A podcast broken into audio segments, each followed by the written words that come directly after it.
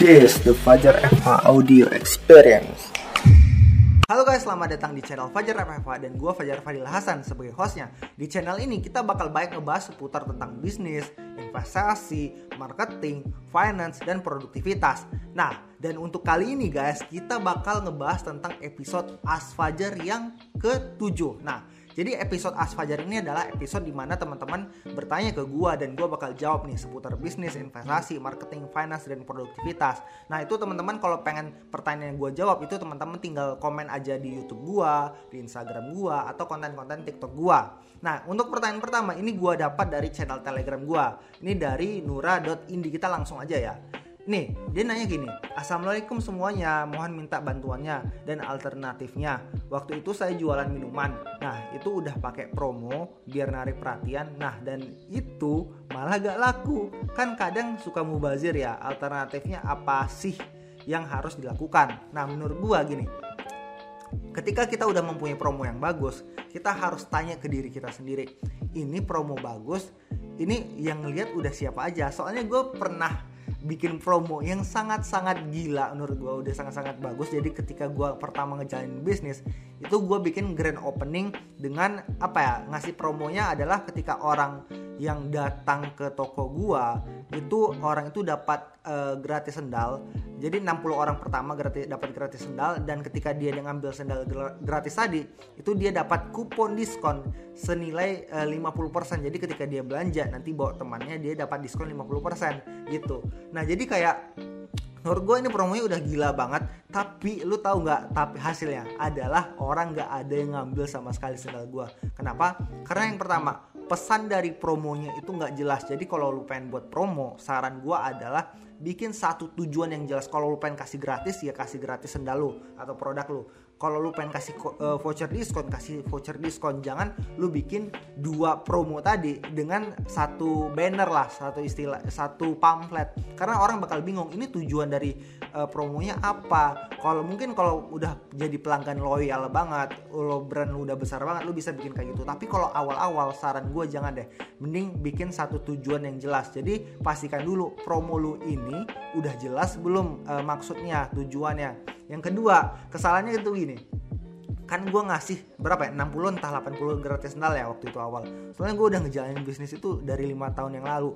Nah itu gue cuman ngasih pemberitahunya di mana tau nggak? Di depan toko gue doang. Jadi gue bikin spanduk besar itu sekitar satu meter kali setengah uh, setengah meter gue pasang di uh, di depan toko gue dan toko gue itu pun itu nyelip di belakang uh, di belakang ruko orang. Jadi kayak orang yang tahu pun ya orang-orang yang lewat sana. Dan ketika orang lewat pun di sana itu juga awe orang itu ragu-ragu juga karena pesan gue yang sangat ambigu tadi. Nah makanya ketika lo bikin promo pastikan orang itu tahu baik orang yang tahu. Jadi juga jangan bukan kayak gimana. Lu pasang promo ketika uh, di sosmed lu doang. Padahal sosmed lu cuma followersnya cuma 400 orang 300 orang. Dan yang view story lu pun itu cuma kayak ya 50 orang 80 orang. Ya jadi menurut gue uh, mungkin bisa jadi orang itu nggak tahu promo lu. Jadi pastikan tadi kayak Nura yang gue bilang pastikan pesannya itu dapat yang kedua pastikan banyak orang yang tahu itu. Makanya gue kadang ketika bikin promo itu gue pasang iklan di Facebook Ads di Instagram Ads. Waktu gue grand opening uh, waffle gue juga gue kayak gitu gue walaupun menurut gue ini adalah promo yang sangat bagus gue ngasih 100 uh, eh, buffle. Waktu itu makanan gue waffle ya bubble waffle itu gue kasih uh, 100 gratis. Gue pasang iklan di Facebook Ads dan ketika gue pasang iklan di Facebook Ads pun itu gue bilang gini ketika lu uh, lu kalau lu pengen dapat gratis uh, waffle gue lu tag tiga teman lu. Lu like postingan ini follow Instagram gue dan tag tiga teman lu. Jadi ketika orang udah ngelihat uh, konten gue tadi yang iklan gue tadi yang ngasih gratis orang jadi tahu juga nih oh ini dia tag tiga temannya jadi bercabang-cabang-cabang lagi. Makanya orang banyak yang datang ke promo gua. Gitu Nura. Oke ini pertanyaan selanjutnya. Dari Jason uh, bang bang kalau dropship harus pakai website ya? Kalau saran gua kalau lu hanya sebatas dropship ya menurut gue jangan pakai website ya karena kalau pakai website itu mereka terlalu apa ya terlalu mahal lah buat lo kalau pakai website gratisan pun itu kurang recommended bagi gue karena lu nggak bisa pasang pixel pun kan Nah, jadi saran gua lu manfaatkan sosial media lu, manfaatkan TikTok lu, Instagram lu untuk dropship. Kan kalau kita affiliate pun sebenarnya kan kita pakai apa ya? Uh, landing page orang kan. Makanya itu ya kita nggak pakai website kita sendiri. Nah saran gua lu manfaatkan konten-konten yang ada di TikTok. Karena untuk bisnis dropship gua sangat saranin adalah lu harus pakai konten sosial media. Lu harus bikin konten mau nggak mau. Karena lu jualan nggak pakai website nggak bisa uh, iklan di Facebook Ads. Kalau lu iklan di Facebook Ads pun pastikan produk lo itu marginnya 100 ribu ke atas. Karena kan lu ada biaya iklan. Makanya kalau margin lu cuma 20 ribu 50 ribu. Ya agak berat sih untuk iklan menurut gua. Begitu Jason. Oke kita lanjut ke pertanyaan selanjutnya. Ini pertanyaan yang ada di konten TikTok gua. Dia nanya gini Kan gua ada bikin konten tentang punya mindset gagal. Jadi gue itu nggak terlalu perfeksionis untuk memulai awal-awal. Karena menurut gua apa pun yang lu lakuin di awal kali itu pasti gagal lah. Nggak hasilnya pasti jelek pasti ada kekurangannya. Jadi menurut gua kalau lu pengen lebih cepat pergerakannya ya lu harus eh, nggak uh, usah mikirin terlalu apa yang harus dihindarin apa yang lu bisa lu lakuin aja sebaik mungkin. Nanti ketika ada kegagalan ya udah lu perbaikin aja. Nah abis itu dia nanya nih dari Haikal Falah. Dia nanya kalau mindsetnya tergantung ortu gimana kak? Nah bisa ada yang komen lagi nih si Sudi Doremi uh, eh, 8 dia nanya dia bilang gini emang ada mindset dari ortu? Menurut saya itu bukan mindset tapi hanya menerima perintah orang orang tua. Mindset dikatakan jika berasal dari pemberikan uh, pemikiran pribadi. Habis itu si uh, Haikal Falah ini jawab nih kalau pemikiran pribadi dan mindset pribadinya udah positif tapi ketika mindset dan pemikiran pribadi gak sinkron dan gak direstui ortu harus gimana kak jadi istilahnya gini dia itu pengen sesuatu misalnya pengen ngejalanin bisnis. Abis itu orang tuanya nggak ngerestuin. Nah itu gimana? Padahal mindset kita udah pengen menggebu-gebu banget untuk bisnis. Malah orang tuanya bilang ya udahlah lu jalanin kuliah aja dulu baik-baik katanya. Nah sebenarnya gini uh, untuk masalah direstuin nggak direstuin orang tua itu adalah uh, menurut gua ketika lu bertanya Nah masalahnya kalau lu gak bertanya ya udah lu gak, gak perlu restu orang tua. Contohnya kayak gini, uh, kalau lu pengen ngejalanin bisnis dan apa ya orang tua lu gak bolehin, selagi tanggung jawab lu itu pun gak di apa ya nggak dihilangin, gak lu tinggalin, lu tetap kuliah, lu tetap sekolah dan sambil jalanin bisnis ya udah go on aja. Karena lu ngapain lu naik orang tua? Sedangkan itu kan kegiatan pribadi lu. Nah masalahnya nanti takut nilai lu jelek atau apa ya pastikan juga ketika lu jalanin bisnis atau lu apa ya pengen fokus ke sesuatu ini yang kewajiban orang tua atau tanggung jawab lu ini nggak boleh nilai jelek atau lu nggak boleh uh, apa ya nggak boleh jelek-jelek amat lah. Nah kalau masalah kayak uh, mindsetnya ini udah positif habis itu nggak direstuin orang tua saran gue gini uh, kalau selagi nggak apa ya melanggar agama atau melanggar apa yang menurut atau nggak merugikan orang ya jalanin aja sih. Orang tua juga ya. Nih gue contoh gue bikin konten gue investasi saham itu awalnya dilarang sama orang tua Nah, karena orang tua mikir ngapain sih lu kayak gitu kayak buang-buang waktu aja belum tentu cuan. Tapi ketika dia udah lihat cuannya, dia bakal bangga-banggain lu kok sama sama apa ya sama saudara-saudaranya, sama teman-temannya. Jadi yang penting saran gua lakuin aja kegiatan lu, tanggung jawab lu jangan ditinggalin.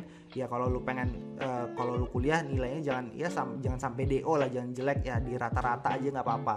Dan jalanin bisnis lu, ah, jalanin apa yang lu mau. Itu saran gua karena kalau kita tuh kadang perlu keras kepala juga. Kadang ada yang perlu kita kayak orang tua tuh nggak mengikuti zaman. Sekarang padahal sekarang zamannya udah online udah ngapa-ngapain. Makanya itu ya udah jalanin aja sih dari uh, menurut gue selagi nggak melanggar agama. Gitu untuk Haikal Falah.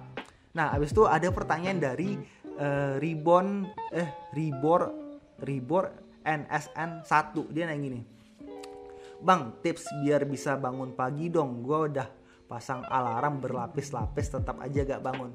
Nah ini uh, terjadi sama gue juga. Gue itu kan bikin gerakan namanya 3EM Club. Nah 3EM Club ini adalah gerakan di mana gue itu uh, apa ya mengencourage teman-teman untuk memulai kegiatan itu di awal pagi misalnya dari jam 3 pagi makanya 3am club kan. Nah jadi dari 3am club itu karena kan kebanyakan mayoritas para milioner para orang kaya itu mulai kegiatannya di pagi hari dari jam 3 kayak Hotman Paris, uh, Dwayne Johnson, Oprah Winfrey itu mereka mulai kegiatannya dari jam 3 pagi. Dan ketika jam 3 pagi pun itu otak kita fresh banget dan kita itu kayak waktu itu lama aja seharian karena kita bisa melakukan banyak hal dan kita itu udah kerja lebih duluan daripada orang lain. Dan walaupun kita kerja yang mulai misalnya kita kerja itu mulai dari jam 8 misalnya teman-teman ada yang karyawan ada teman-teman yang pembisnis. Oke okay lah kita ngurus pribadi kita itu dari jam 3 dan lain-lain. Kita baca buku olahraga e, ibadah misalnya tahajud nah kita itu udah 5 jam duluan daripada orang lain makanya itu sangat bagus banget kan gerakan 3M Club nih. Nah gimana caranya biar bangun ini e, udah pasang alam berlapis-lapis pun gimana tetap gak bangun? Saran gue lu pakai sistem reward and punishment. Gimana ya? Saran gua lu pakai sistem reward and punishment. Kenapa karena ketika lu memasang reward dan punishment lu itu bakal ada efek jerah. Gue pernah suatu uh, kejadian gue itu ketika gue bangun dan gue matikan alarm pun yang terpikir sama gue adalah gue juga bisa kok kerja mulai dari jam 8 pagi dari jam 6 pagi kenapa harus jam 3 nah makanya itu lu butuh urgency lu butuh alasan kenapa lu melakukan kegiatan ini. Lu butuh alasan yang pertama ketika lu tahu udah alasan lu adalah lu pengen jadi konglomerat. Misalnya kayak gue pengen kong jadi konglomerat sebelum umur 30 tahun gue bilang kan. Nah gue udah tahu nih gue pengen itu. Tapi kadang pun alasan yang kuat itu pun itu masih belum terlalu kuat. Lu perlu namanya punishment. Nah punishment ya yang gue buat adalah Misalnya gue jam 3 pagi itu masih matikan alarm atau tidur lagi, gue bakal memberikan hukuman. Gue nggak boleh nonton film, gue nggak maksudnya kayak film di Netflix gue nggak boleh main game selama satu minggu. Kadang gue mikir oh gila berat banget kayaknya tiga hari deh. Nggak justru yang menurut lu itu berat lu harus lakuin. Kenapa? Karena biar ada efek jerak. Jadi lu ketika lu bangun oh ya udah gue nggak mau lagi nih pengen uh, tidur lagi. Karena gue mendisiplinkan diri gue uh, gue nanti nggak bisa main game atau gue nggak bisa nonton film karena gue udah capek kerja seharian tapi refreshing gue cuma tidur kan sangat gak enak banget kan untuk diri kita makanya itu pakai sistem reward dan punishment kalau lu pengen disiplin. Jadi yang pertama lu harus punya alasan yang kuat karena alasan itu adalah sumber kekuatan. Kalau lu nggak punya alasan yang kuat, lu nggak bakal jalanin. Gua jamin 100% pun. Yang kedua, lu harus mendisiplinkan diri. Gimana cara disiplinkan dirinya? Lu harus pakai sistem reward dan punishment. Misalnya ketika lu uh, gagal atau lu matikan alarm lagi ketika udah bangun, ya lu harus bikin punishmentnya. Kalau gua kayak tadi, gua nggak boleh main game atau nonton film selama satu minggu. Jadi gua bakal ada efek jerahnya. Nah, gitu untuk uh, ini udah lima pertanyaan gue jawab untuk pertanyaan teman-teman. Nah, buat teman-teman yang pengen gue jawab juga pertanyaan seputar bisnis, investasi, uh, marketing, finance dan produktivitas itu teman-teman tinggal tanya aja di YouTube gue, komen di YouTube gue, di Instagram gue, di TikTok gue. Setiap konten itu teman-teman tanya aja. Nanti gue pasti jawab. Misalnya ada pertanyaan yang nggak gue jawab, itu berarti udah gue jawab di episode As Fajar sebelumnya. Oke, sekian dari gue teman-teman. Dan Fajar Fadil Hasan dari tim Fajar. Assalamualaikum, semoga bermanfaat.